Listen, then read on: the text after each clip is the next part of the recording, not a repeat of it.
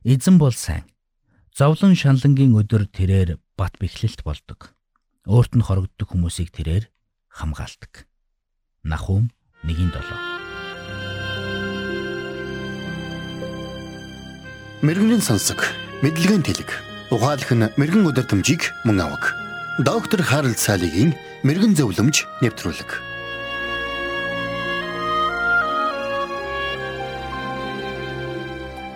Хуучны нэгэн магтаал дунд хэрвээ бурхан хүсэхгүй бол горих ундрахгүй гэсэн үг гардаг.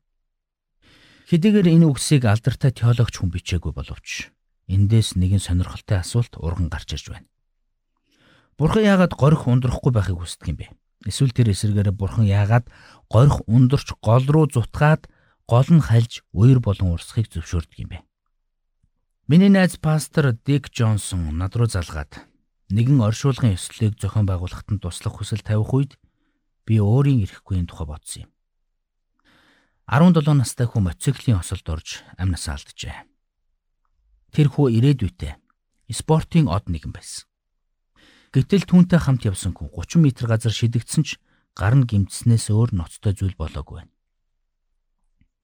Хайртай дотны хүмүүс нь бүгд энэ золгүй явдлын дараа нэгэн зүйлийг асууж байлаа. Бурхан яагаад энэ зулгүй явдлыг урдаас зогсоосонгүй вэ?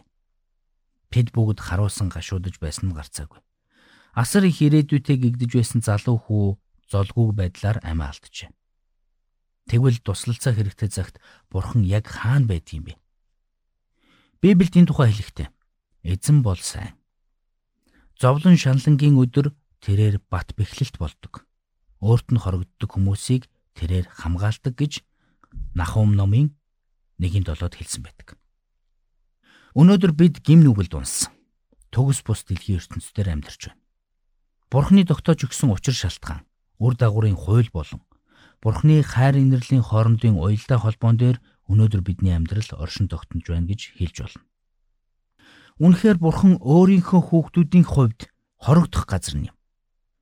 Гэхдээ тэглээгээд тэр биднийг буруу сонголт, алдаа дутагдлын маань үр дагавраас чөлөөлдөггүй. Зарим тохиолдолд бурхан маш тодорхойгоор зарим зүйлийг хэлдэг.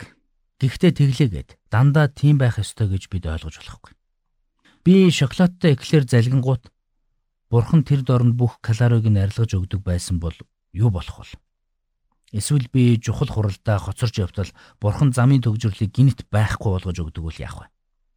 Оюутан хүү хичээлээ огт хийхгүй байж байгаад бурхны тусламжтайгаар гинэтхэн шалгалтанда 100 оноо авчихдаг бол яах вэ?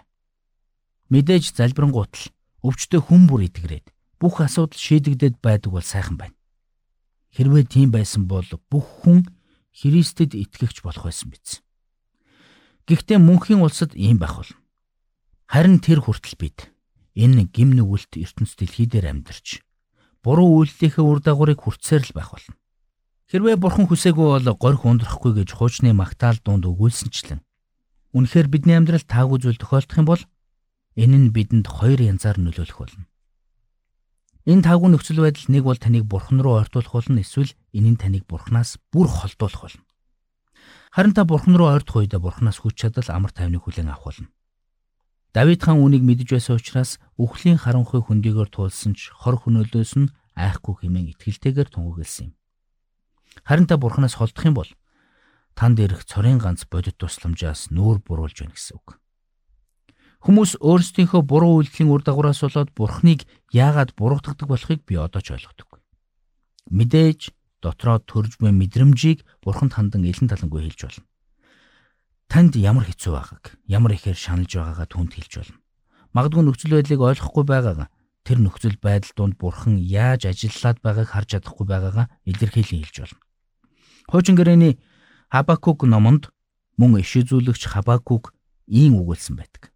Гэхдээ Бурхан түүнд хариулт өгсөн юм. Тэгвэл тэр Хабаку Хабакукт Тэгвэл тэр Хабакукт хариулт өгсөн шигэ танд ч бас хариултыг өгөх болно гэдэгт та итгэлтэй байж болно.